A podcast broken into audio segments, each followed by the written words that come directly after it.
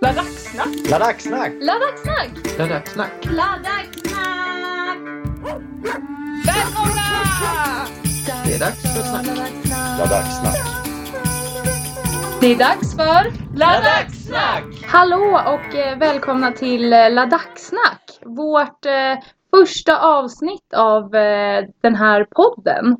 Vi har tänkt att spela in sex avsnitt som kommer att spegla vår upplevelse som praktikanter i staden Le som ligger i eh, staten, säger man så? Ja. Ja, eh, Ladakh i Indien.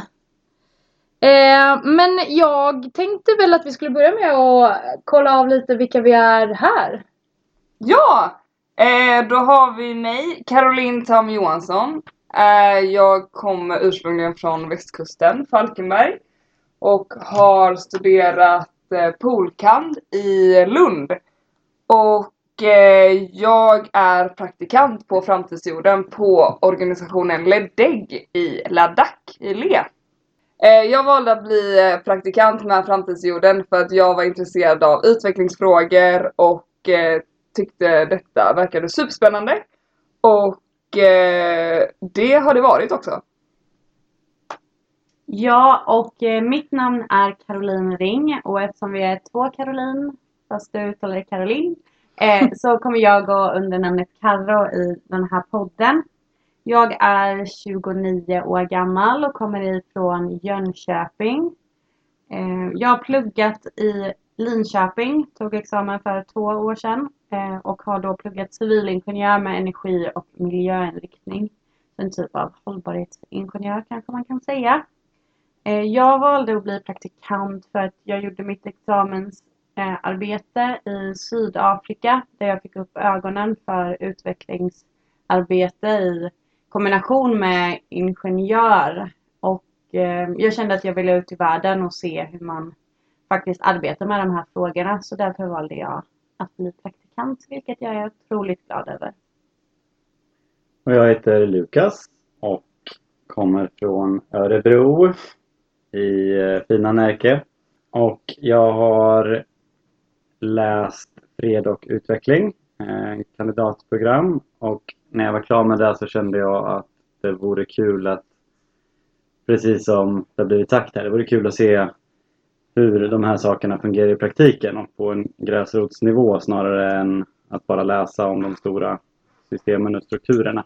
Därför valde jag att bli praktikant hos eh, Framtidsjorden. Jag heter Jakob och jag kommer från Lund. Eh, jag har varit praktikant på LEHO, Ladakh Environment Health Organization, precis som Lukas.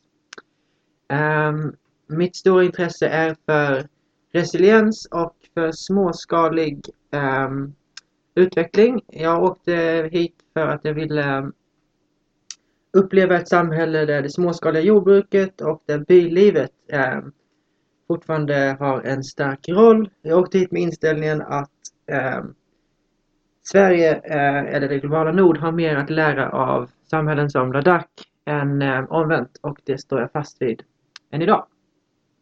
Ja, och eh, Maria heter jag. Jag är 29 år och eh, kommer från eh, en liten by utanför Norrtälje.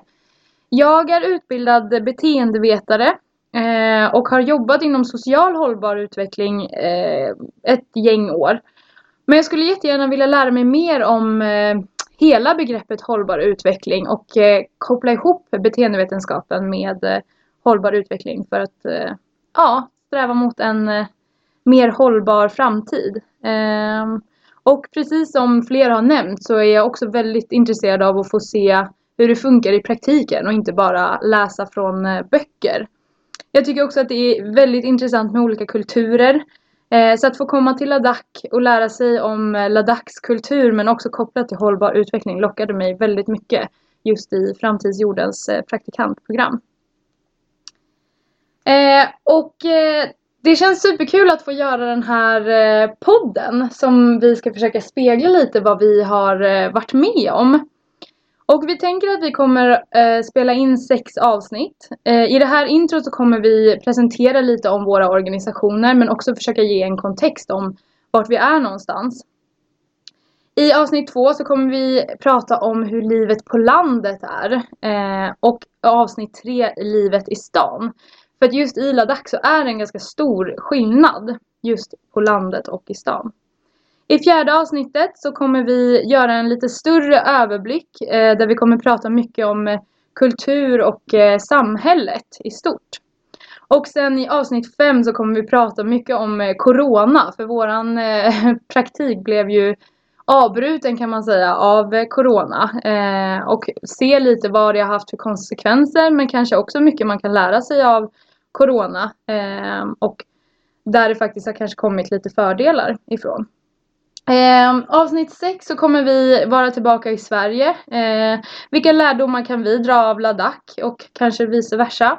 Men också hur känns det att vara hemma efter att ha varit i eh, Ladakh en, ja, fyra månader ungefär. Eh, det är ju en plats som är annorlunda eh, gentemot Sverige kan man säga. Och till varje avsnitt så kommer vi lägga ut ett Insta-inlägg med lite bilder. Så därför får ni gå in och följa eh, Framtidsjordens Instagram. Och ni får också kika in på framtidsjorden.se förändra. För där kommer vi också lägga upp eh, blogginlägg kopplat till eh, de här poddarna. Eh, vi har ju fått möjligheten att eh, åka hit till Le tack vare Framtidsjorden. Så jag tänkte att vi skulle få en liten presentation av Framtidsjorden. Ja, vad kul! Ja, vi åker ju som sagt med Framtidsjorden som är ett internationellt nätverk eh, som stöder initiativ till utveckling på socialt rättvis och ekologiskt hållbar grund. Och Framtidsjorden, Framtidsjorden bildades av en merge av eh, de två organisationerna Jordens vänner och Framtiden i våra händer som började samarbeta med olika miljöorganisationer i en internationell kontext. Så Framtidsjordens eh, olika medlemsorganisationer finns i Sydamerika och Asien och Sverige och dessa organisationer har då en grund i främst hållbar landsbygdsutveckling, urbana miljöfrågor och bevara biologisk och kulturell, kulturell mångfald. Organisationen bygger också på tre grundprinciper och det är då ekologi, självtillit och samarbete. Ehm, mm. Framtidsjorden är också eh, finansierad till 90% av Forum Syd. Och eh, Framtidsjorden arbetar mycket med Agenda 2030 och de globala målen med främst tre stycken och det är mål 2 som är ingen hunger, mål 12 hållbar konsumtion och produktion och mål 13 att bekämpa klimat, klimatförändringarna. Eh, vi åker ju via praktikantprogrammet och det består lite av att öka kunskap om hur utvecklingssamarbete går till i praktiken och detta genom kunskapsutbyte både från praktikanterna och organisationerna. Och det är lite det vi försöker göra nu också, att så här, sprida kunskap om eh, Ladakh genom den här podden. Men precis vad vi har lärt oss och vad som vad, vilka skillnader och likheter lite som finns. Mm. Eh, och eh, i Ladakh då eh, så befinner vi oss på två organisationer. Eh, som vi nämnde, jag, Caroline och Karo är på LEDEG, Ladakh Ecolo Ecology Development Group. Och Lukas och Jakob som är på LEHO, Ladakh Environment and Health Organization. Ja, och eh, vi tycker att alla ska söka praktikantprogrammet för vi eh, har ju tyckt att det var superintressant. Och vi alla fem kommer ju från en akademisk bakgrund och det behöver man verkligen inte ha.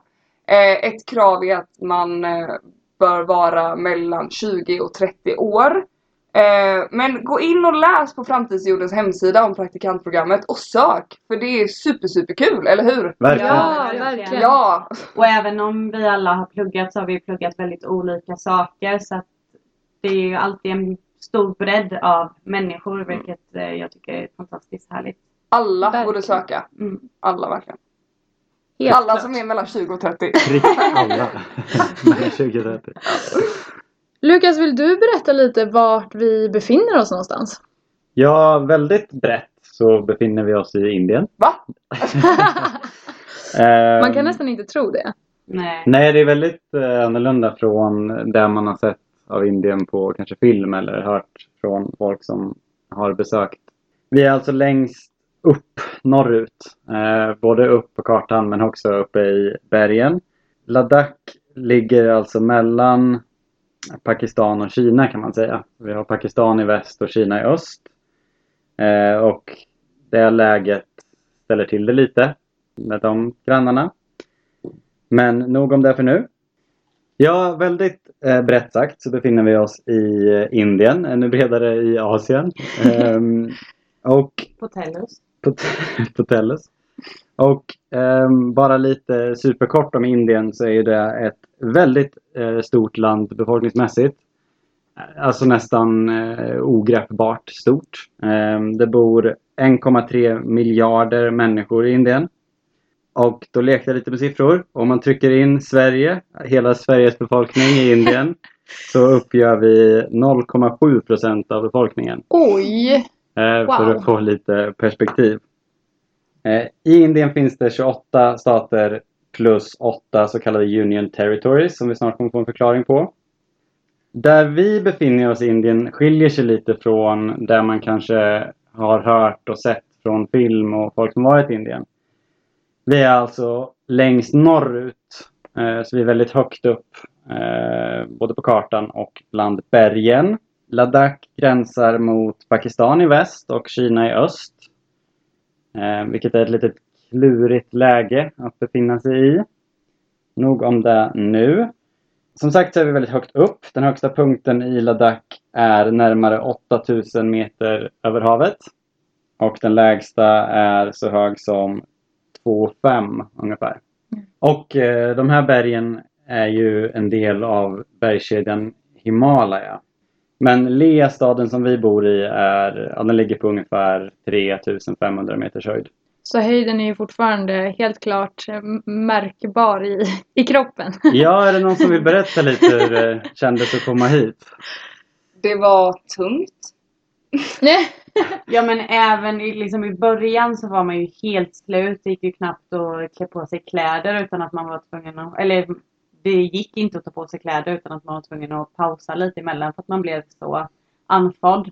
Men även nu efter fyra månader när man tänker att man kanske har eller borde ha akklimatiserat sig så liksom man tappar ju andan så mycket fortare och liksom blodsmak Oh, ja. i munnen i Mm. små små uppförsbackar. Ja. Svartna för ögonen så Ja. fort man reser sig. Ja, man har vant sig att känna sig svag kan man väl säga. Ja. Men faktiskt. Ja. Men gå upp för en trappa. Vi har en trappa på hostlet. Alltså jag, eh, nej men jag måste ju ta en paus varje gång efteråt. Och vad är det? Typ Ja. tio steg? Ja. Ja. ja men och de gångerna vi har typ eh, försökt träna. Alltså det känns ju som att lungorna ska sprängas på riktigt. Vi hade en liten dance party här om kvällen och eh, ja, det var jobbigt. Ja. Det var riktigt jobbigt. Riktigt bra konditionsträning. Kommer komma tillbaka med riktiga kalaslungor sen. Ja, Mm. det känns skönt i alla fall. Mm. Hade kunnat vara doping. Ja, så eh, Ladakh ligger alltså väldigt högt upp. Men vad mer kan man säga om eh, Ladakh, Karo? Ja men eh, lite, inte, inte fun facts kanske, men lite så här bra att veta. Vi kommer ju under poddens gång berätta lite mer ingående om liksom kultur och hur det har varit att bo här. Men något som kan vara intressant att veta är att det är väldigt ehm, Kulturen är väldigt påverkad av den tibetanska kulturen. Så jag var i alla fall lite förvånad när man kom hit att det, det, känd, det kändes verkligen inte som det man tänker med Indien. Eh, och det har väl varit lite mindfuck under hela, hela praktikens gång tycker jag. Oh, ja. Att så här, är vi verkligen i Indien? Ja. För att också Ladakh. Jag, jag hade ingen aning om att Ladakh fanns innan jag eh, fick den här placeringen i framtidsjorden. Nej men såhär Himalaya i Indien. Eh, Eh, det språket som talas mest i Ladakh är ladakhi, vilket är ett lokalt språk.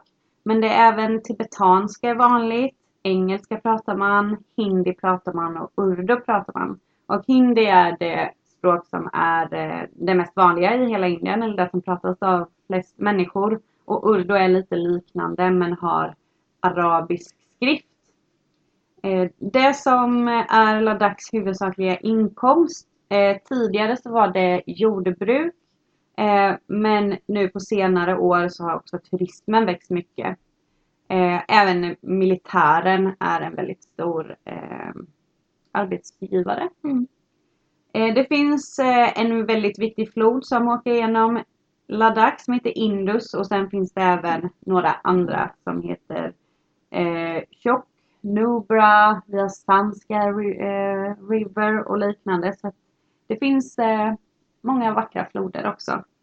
Eh, I hela Ladakh så är det faktiskt främst eh, muslimer, 46 procent. Eh, Medan den tibetanska buddhismen ligger på ungefär 40 procent, hinduer 2 eh, 12 procent. Så att muslimer och buddhister är, den, eh, är de två största och det finns även lite både historiska och nutida slitningar mellan dessa grupper. Eh, och apropå att Indien är så otroligt många människor och när man tänker Indien så tänker man kanske det här eh, fullpackade tåg och jättemycket folk och trafik och sådär. Men i Ladakh eh, så är Ladakh är faktiskt den stat med allra minst befolkningsdensitet i hela Indien. Så att trängsel har vi ju inte upplevt så himla mycket utan det ligger ju väldigt isolerat och eh, i alla fall för mig så är Ladakh en plats som eh, jag inte kan relatera till någonting annat jag har sett eh, eller någon annan miljö som jag tidigare varit i. Det känns väldigt unikt och det är liksom en stad och så är det bara berg omkring. Eh, och en ganska liten stad får man ju säga för att vara Ladaks huvudstad. Verkligen. Tack snälla för att ni har hjälpt oss med lite kontext vart vi är någonstans. Eh, och förra året så blev ju Ladakh ett Union Territory, UT. Vad betyder det Jakob? Ja, ja, men för att ge en liten kort bakgrund då. Eller kanske helt fel sak att säga. Ehm, jo, eh, fram tills att detta beslut togs så var då Ladakh en del av delstaten Jammu och Kashmir. Eh, men nu kommer eh, Ladakh alltså att administreras centralt från Delhi. Eh, Ladakh kommer då alltså inte ha en, ehm, en, eh, ett eget lagstiftande parlament utan ehm, man styr som sagt från Delhi via en så kallad Lieutenant Governor och sen finns det då två ehm, så kallade Autonomous Hill Development Councils. Det är alltså ett organ som jobbar liksom med, med planering och utvecklingsfrågor och jobbar med ehm, institutioner på bynivå ehm, med markfrågor och liknande. Ehm, en av de viktigaste frågorna som nu hänger i luften är eh, nu när man har varit en del av delstaten Jammu och Kashmir så har man kunnat begränsa vem som kan äga mark och eh, slå sig ner i Ladakh.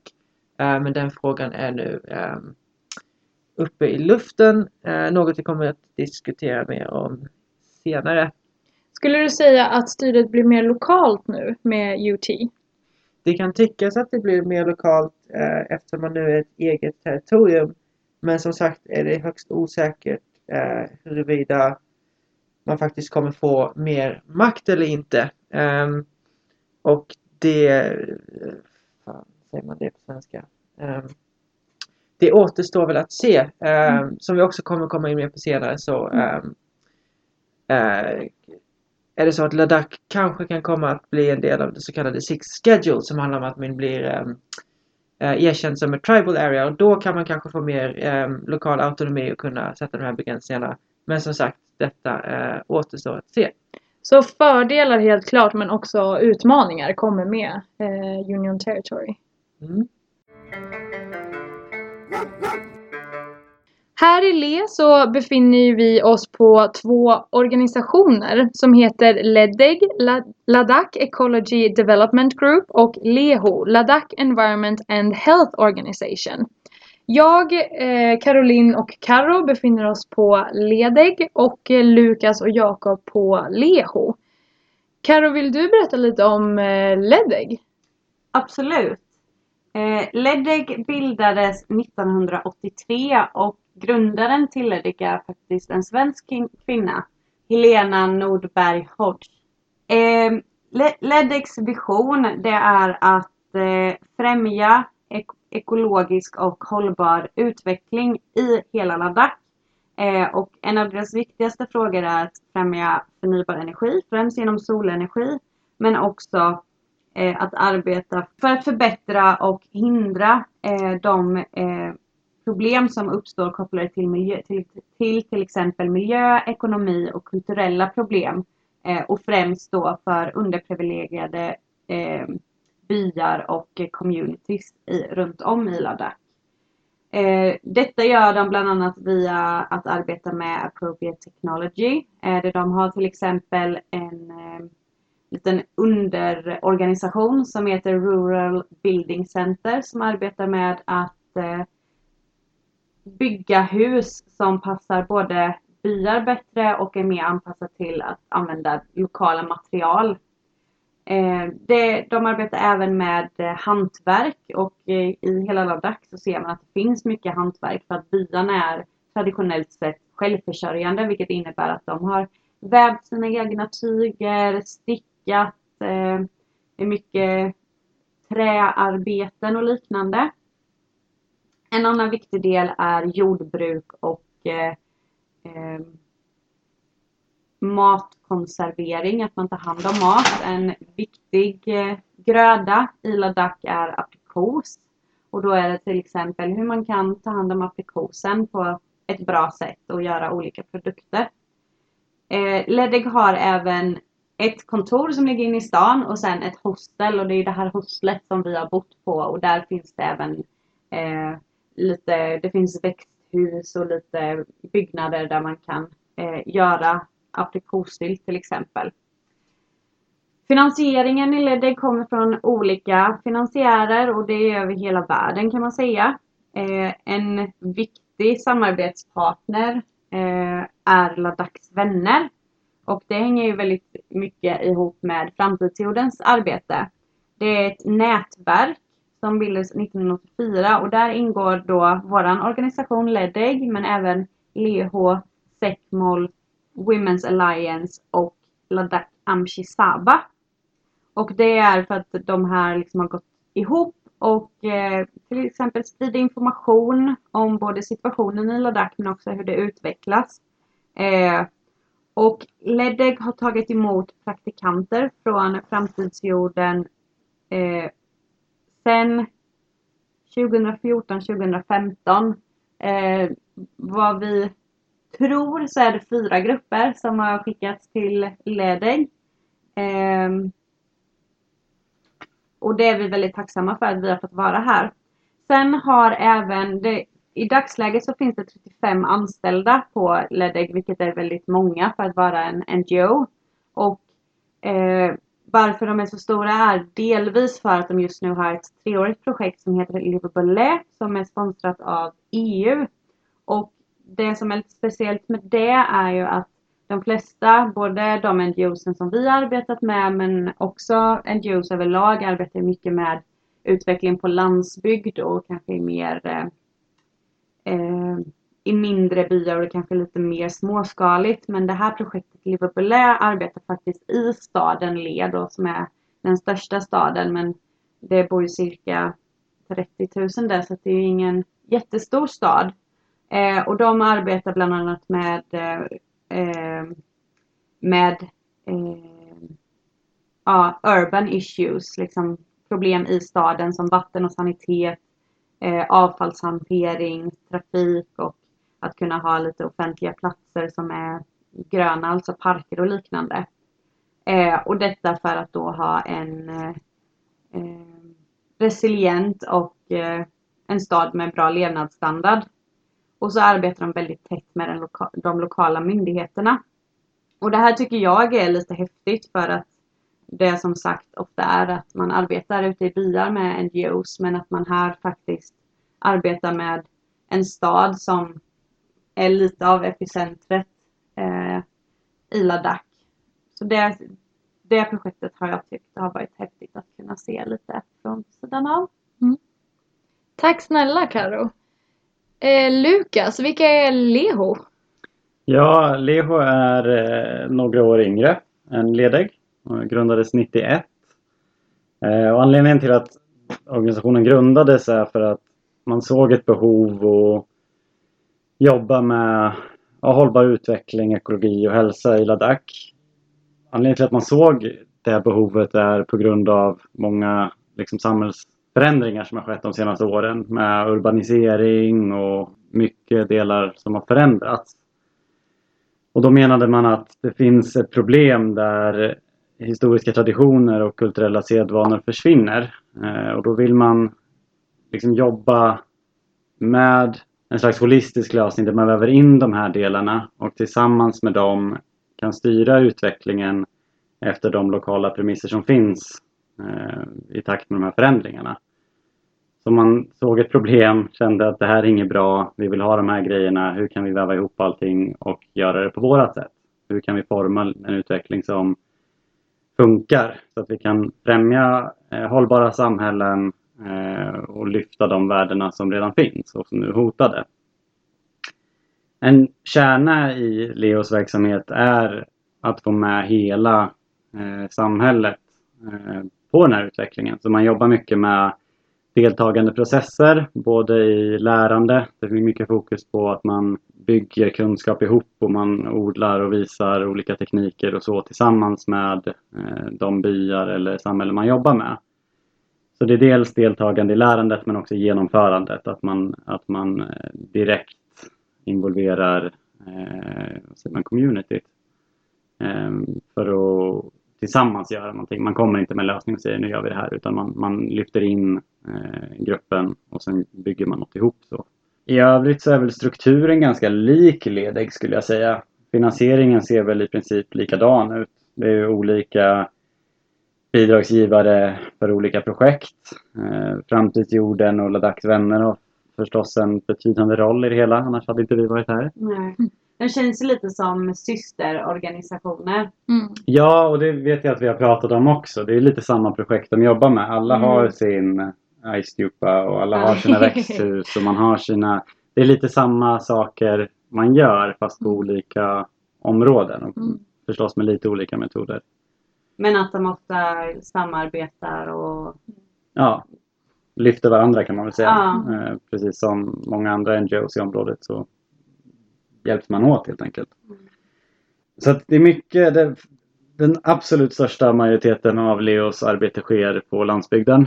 Eh, men även mindre projekt i stan kan man väl säga. Eh, och en hel del, eller en hel del, men en betydande del politisk ambition finns också. Man jobbar med att liksom förändra policies och driva saker även mot myndigheter. Ett exempel på det här politiska arbetet är en policy som den lokala myndigheten har tagit fram där man vill göra hela Ladaks region egentligen och framförallt jordbruket ekologiskt till 2025. Och det här tror jag är ett projekt som Ledeg också har varit med och, och drivit. Så det är återigen ett exempel på att organisationerna jobbar ihop för att lyfta eh, frågor som är viktiga för, för alla organisationer. Då. Så det är väl det Leho pysslar med. Mer exempel följande avsnitt. Tack snälla! Eh, och nu har ni ju fått en liten uppfattning om var vi befinner oss och eh, vad vi gör här med våra organisationer. Eh, och i eh, nästa avsnitt eh, som komma skall så ska vi prata om hur livet ser ut i byarna och lite vad våra organisationer jobbar med ute i byarna. Ehm, vi vill också säga att det här är första gången vi alla spelar in en podd så att det blir ett litet ja men trial så att ni får vara lite försökskaniner. ja. Kom jättegärna med feedback, tankar. Eller? Nej? Ja. Men vi gör ju detta mest för att vi tycker det är väldigt kul och för att sprida kunskap som sagt om Ladakh och eh, egentligen för att ventilera våra egna tankar eh, kring eh, eh, praktiken och Ladakh eh, generellt. Det är också ett väldigt bra sätt för oss att eh, liksom bearbeta våran kunskap men kanske också lära oss från varandra. Så det kan ju dyka upp en hel del, jaha, eh, Mm. eller oj, under inspelningens gång också. Så Ja, att men Och det är inte fejkat. det är inte Nej. fejkat. Det är vi som inte vet. Nej. Nej men verkligen. Ja, och som sagt så är ju det här ett sätt för att få oss att tänka till och lära oss saker och, och sådär. Och vi har ju försökt att använda oss av personer vi har träffat och internet och böcker. Men vi har väl inte check, faktakollat allting till 110% så vi ber om ursäkt om jag har gjort några fel men vi har ju försökt göra vårt bästa att ha rätt. Och eh, vi har försökt använda, använda oss som sagt av säkra källor och inte typ Wikipedia. Så vi hoppas verkligen att ni vill eh, hänga med oss och eh, lyssna. Och glöm som sagt inte att gå in på Instagram, Framtidsjorden och eh, likea, eh, eller följ säger man, sidan och likea bilderna också. Och sen kika in på eh, hemsidan på framtidsjorden.se slash forändra, forandra, så hittar ni eh, praktikantbloggen där också. Tusen tack för att ni lyssnade, så ses vi igen. Ha det gott! Tjilling!